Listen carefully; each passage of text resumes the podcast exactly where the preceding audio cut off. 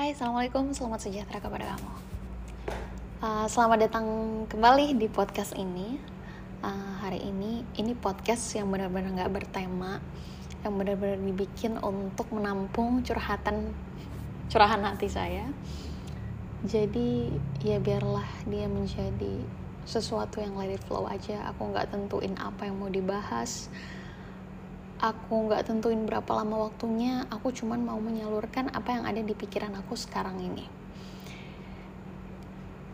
Kebetulan kan sekarang tuh udah akhir tahun gitu kan di mana orang-orang itu umumnya um, mengevaluasi dirinya untuk menjadikan tahun depan itu sebagai satu tahun yang lebih baik lagi dibanding tahun ini. Karena emang harusnya memang begitu kan. Harusnya bahkan kita harus lebih baik di esok hari dibanding kemarin. Eh, maksudnya lebih baik di hari ini dibanding kemarin. Hari ini harus lebih baik dibanding kemarin. Nah hari ini aku nggak tahu ya aku aku lagi kayak mellow aja. Uh, habis pulang kajian terus aku kayak kepikiran sampai sekarang. Sampai malam-malam gini aku bikin ini. Karena um, kalau melihat diri aku pribadi satu tahun ke belakang aku kayak ya yeah, I'm learn aku belajar karena aku suka. Aku belajar beberapa skill kayak mungkin desain yang aku ikutin sampai pelatihannya selama berapa bulan ya? Satu yang harusnya dua bulan jadi tiga bulan kalau nggak salah. Aku belajar mengemudi mobil eksavator terus aku belajar apa lagi? Aku baca banyak buku. Of course because I like it so much. Aku ikut banyak sekali kajian yang gak kehitung. Karena aku kayak perlu ngerasa terisi terus terisi terus terisi terus. Aku bikin diskusi atau aku banyak diskusi sama teman-teman aku belajar untuk bersosialisasi lebih sama orang lain karena aku sadar selama ini aku terlalu takut untuk nyoba berkawan sama orang lain. Aku juga nggak tahu kenapa. Kayak aku nggak bisa intimate banget sama orang lain tapi tahun ini aku coba itu. Dan ya itu menyenangkan sekali kadang apa yang kita belum coba tuh emang gitu kan ya emang terasa menakutkan. Tapi pas kita coba ya itu itu enjoyable gitu. Kita nggak akan tahu kalau kita belum mencoba apalagi kalau kita takut duluan. Jadi aku banyak belajar akhir-akhir ini tahun ini. Walaupun aku ngerasa belum maksimal banget aku ngerasa kayak kurang banget aku ngerasa kayak banyak sekali waktu yang aku sia-siakan yang untuk hal-hal nggak penting kayak watching Netflix atau nonton drama Korea atau ya hal-hal yang sia-sia lainnya. Rebahan scrolling sosial media youtubean apa pun itu yang nggak ada faedah. Nah terus tadi aku datang ke salah satu kajian yang cukup menggugah. Kayak uh, di ustadznya bilang um,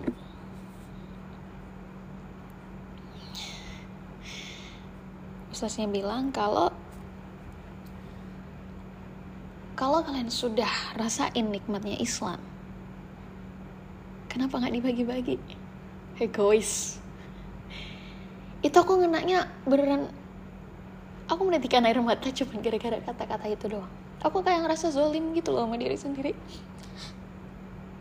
Kayak kayak apa ya aku aku suka banget baca buku aku suka pergi ke kajian aku suka riset aku suka baca mengkaji tapi itu cuma buat diri aku pribadi dan jarang aku share ke orang lain. Aku kayak ngerasa ini lo mau buat apa sih? Kalau nggak di sharing kan kalau nggak diamalkan ke orang lain tuh kayak buat apa sih? Aku merasa bodoh aja gitu loh. Aku ngerasa zolim aku ngerasa nggak peduli sama orang lain. Ya gitu. Kok jadi nangis sih? Iya aku rasa kayak gak berguna gitu. Aku kayak untuk apa sih aku belajar banyak sekali ya? Tapi aku nggak menuangkan itu ke mana pun. Untuk apa aku jadi orang yang kayak gitu? Kayak kayak ya emang egois gitu. Emang untuk menguntungkan diri sendiri aja emang individualis banget nggak peduli sama orang lain. Aku tahu orang lain itu salah tapi sometimes aku ngerasa aku bukan judge ngejudge orang lain jadi aku nggak nggak ngingetin dia juga aku kayak nggak peduli sama sekali. Aku aku tahu aku tahu indah banget aturan Islam tuh kayak indah banget sempurna banget kayak aku banyak baca buku kayak aku ini bukan sombong apa jumawa enggak ya. Misal kalau misalnya aku menghadapi satu masalah dan I'm a typical of person yang kayak aku perlu satu data satu kajian ilmiah satu standar kebenaran yang apakah itu tuh satu hal yang benar aku lakukan atau enggak. Misal aku belajar saham tahun ini. Aku kaji dulu sebelum aku terjun ke sana aku kaji dulu ini ini bener apa enggak? Ini dalam Islam gimana? Ini ini prosesnya seperti apa? Ini secara teknikal kayak mana? Analisis fundamental analisis teknikal uh, yang kayak support supportnya gimana? Pokoknya banyak hal yang aku pelajari kayak ya aku banyak googling aku banyak baca aku beli bukunya dari dari saham syariah uh, who wants to be smiling investor? Sampai di intelligent investor aku kepoin. Sampai aku baca juga bukunya Rich Dad Poor Dad untuk menanamkan mindset keuangan dalam diri aku pribadi yang kayak gimana sih sebenarnya keuangan tuh? Gimana sih cara ngaturnya? Bla bla bla. Sampai aku nemuin kalau misalnya konsep Islam tuh ternyata lebih baik daripada konsep-konsep yang lain gitu. Ternyata muamalah dalam Islam itu lebih lebih adil ya ternyata muamalah dalam Islam itu lebih mulia ya lebih pokoknya aturan yang dalam Islam itu nggak ada apa-apanya ya dibanding aturan-aturan Barat yang secara teknikal, secara praktis emang lebih menarik, tapi pada intinya emang Islam ada di sana. Kayak aku belajar, aku baca bukunya um, baca bukunya how ya aku jadi ngeblank.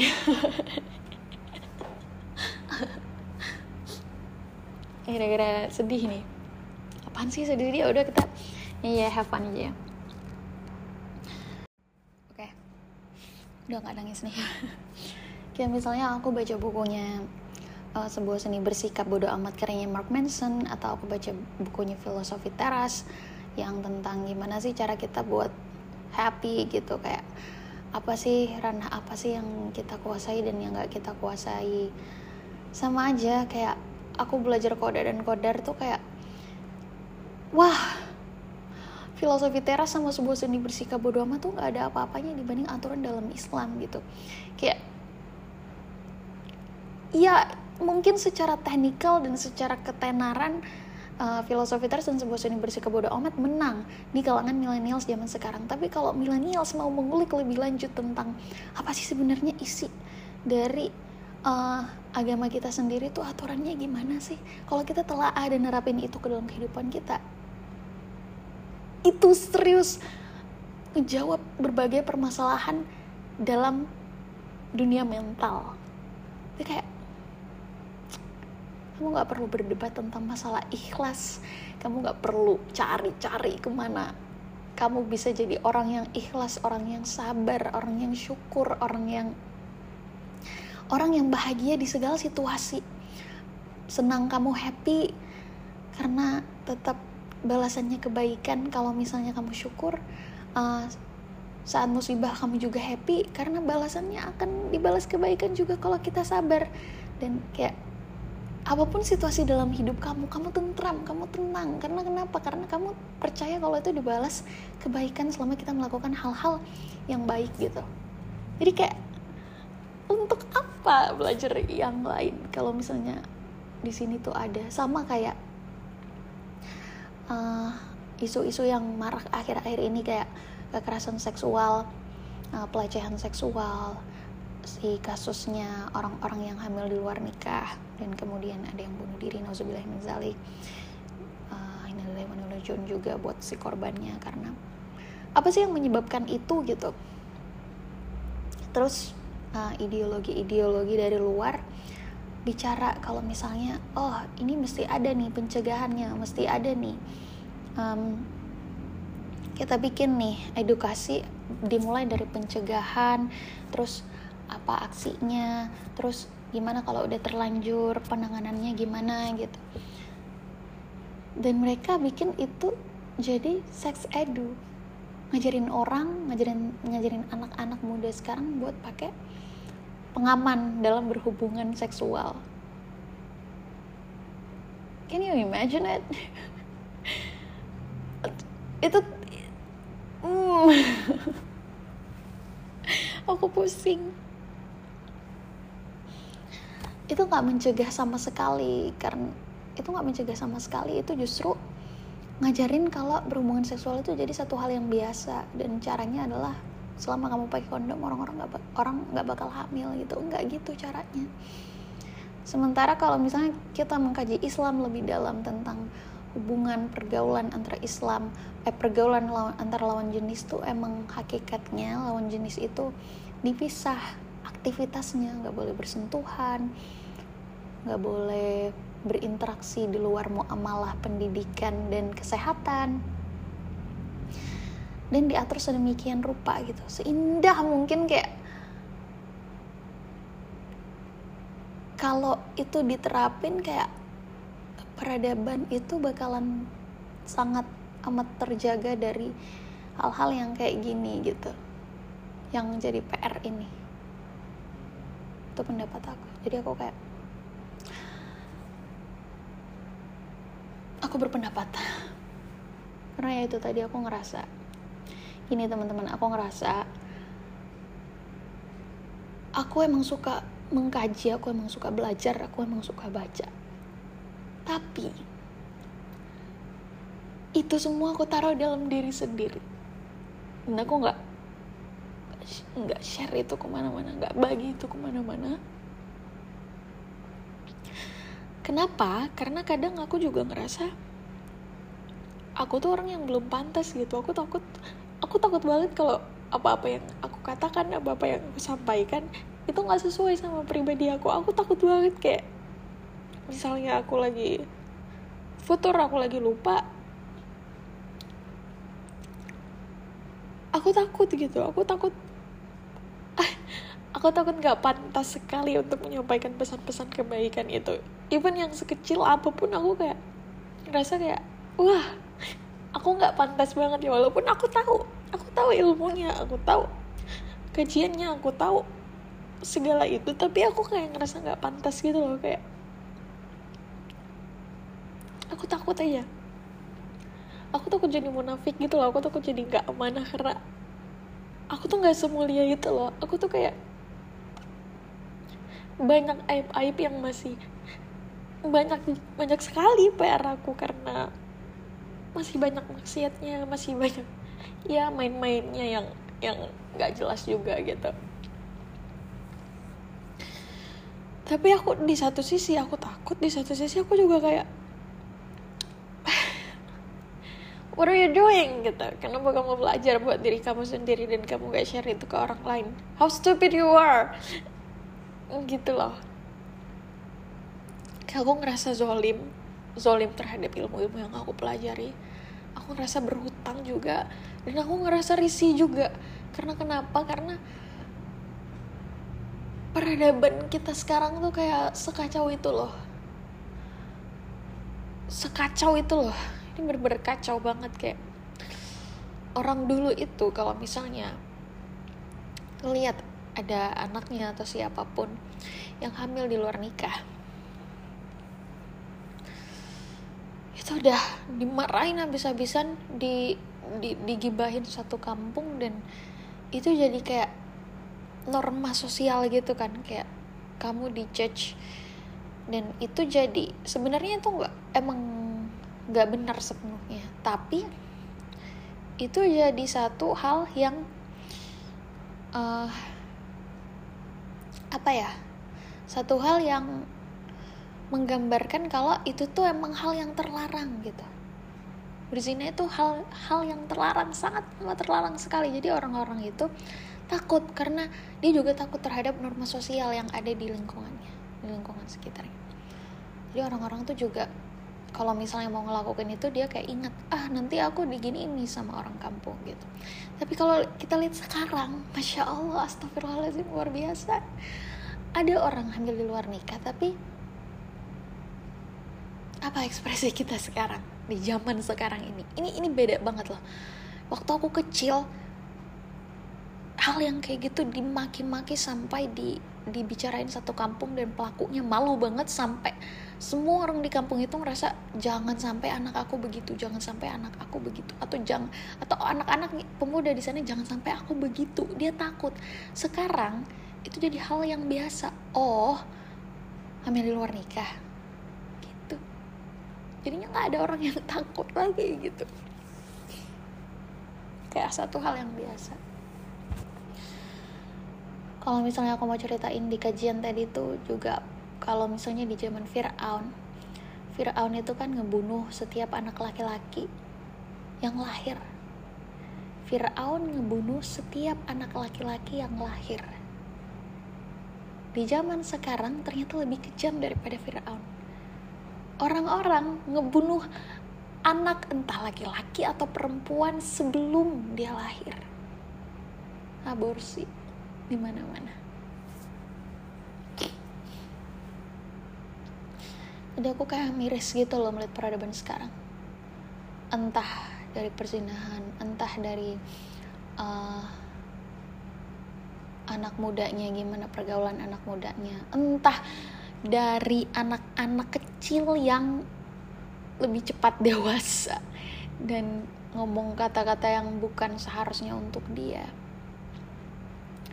sampai ke pemerintahan, ke poli, perpolitikan, entah korupsi yang bikin aku muak setiap hari baca. Apalagi pas pandemi, ya Allah, orang udah susah kamu kamu ambil uangnya gitu. How greedy you are. Kenapa sih ada orang yang tega banget kayak gitu sama orang lain? Kenapa sih dia dikasih kepercayaan tapi nggak nggak bisa nggak bisa ngasih satu hal yang begitulah. Aku kayak sedih aja gitu ngeliat dunia sekarang. Tapi aku nggak bisa apa-apa. Dan problemnya aku juga ngerasa zolim karena belajar sendiri dan gak dibagi sama teman-teman. Itu sih. Itu keresahan aku malam ini. Baper banget aku iya. Apa lagi ya? Minum dulu lah. Aduh ayo udah aku minum obat dulu lah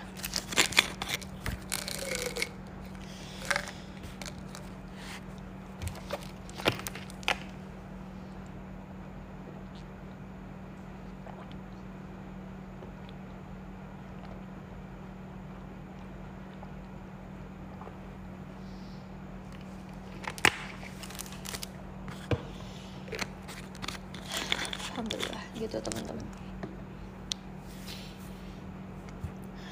jadi harapan aku di tahun depan. Aku lebih berani bersuara ngebagiin hal buat bagiin hal-hal yang sudah aku pelajari.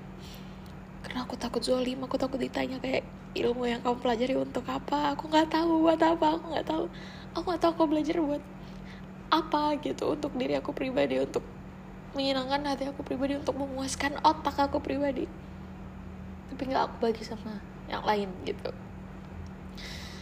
Kadang-kadang juga hal yang memicu aku hal yang memicu aku yang sering uh, bikin aku kayak nggak nggak mau share sama orang-orang tuh kayak mungkin selama ini aku kayak masih takut dijudge sama orang lain. Mungkin aku selama ini masih nyari penilaian orang lain. Mungkin selama ini aku masih nyari pengakuan dari orang lain. Padahal kita kan aku tahu aku nggak perlu itu. Aku nggak tahu kita nggak perlu itu. Tapi sometimes aku masih ngerasa kayak gitu. Walaupun aku tahu kita nggak perlu itu kan. Kita nggak ngejar itu kan. Untuk apa dibilang baik sama semua orang? Untuk apa? Dan kita juga nggak bisa kali bikin semua orang senang sama kita bikin semua orang happy sama kita? Nggak mungkin impossible bahkan sekelas nabi aja ada yang benci. Apalagi kita doang. Ya, apa yang yang yang apa sih? Gitu. Yang kalau kata orang sekarang tuh kayak cuma apa? Buih di lautan. Atau remahan rengginang. Gitu. Kadang aku juga masih kayak nyari penilaian manusia nyari pengakuan manusia takut dibilang jelek takut takut dibilang orang yang uh, gak apalah apalah gitu. Aku sadar aku masih berada pada fase itu. Jadi harapannya semoga tahun depan atau semoga mulai dari sekarang aku udah nggak peduli penilaian orang terhadap aku tapi aku cuma peduli. Kira-kira kalau aku ngelakuin ini penilaian Allah terhadap aku tuh apa ya? Kira-kira kalau aku ngeposting ini Allah ridho nggak ya? Udah gitu aja. Jadi yang lain itu nggak usah dipikirin kayak yang di luar kuasa kita nggak usah dipikirin tapi yang di bawah kuasa kita baru kita pikirin. Kalau yang seperti yang pernah aku tulis mendengar mengingat melakukan mencintai mematuhi semua. Mendengar melihat memegang mencium melakukan semua hal yang diawali dengan me itu tanggung jawab kita. Itu tanggung jawab kita itu ranah kita. Jadi terserah kita kita mau lakuin itu untuk kebaikan atau keburukan. Yang jelas kita bakalan dimintai pertanggungjawaban. Mau kita isi otak kita isi telinga kita isi mata kita isi uh, hidung kita isi tangan dan kaki kita untuk melangkah untuk hal-hal yang baik atau kita ngisi itu buat hal-hal yang sia-sia. Itu kita yang dimintai pertanggungjawaban. Tapi urusan di misalnya didengar ditatap di uh, di apa lagi? Dicintai dikagumi. Semua yang berurusan dengan di itu bukan ranah kita. Karena kita nggak bisa kan ngatur orang eh lihat aku gitu. Atau misalnya eh kamu harus mencintai aku. Aku harus dicintai oleh semua manusia. Itu bukan ranah kita. Kita nggak bisa ngatur orang senang sama kita. Kita nggak bisa ngatur orang kamu harus sama aku terus. Kamu gak boleh ninggalin aku. No. Urusan itu di luar ranah kita. Jadi kita mati-matian aja terhadap yang me bukan yang di. Uh, mati-matian aja terhadap hal yang kita kuasai bukan hal yang gak kita kuasai. Gitu kalau kita belajar koda dan kodar indah banget. Dan simpel gitu jadi hidupnya kayak tenang aja gitu. Jadi semoga semoga ke depannya aku bisa mengimplementasikan secara penuh terhadap hal ini.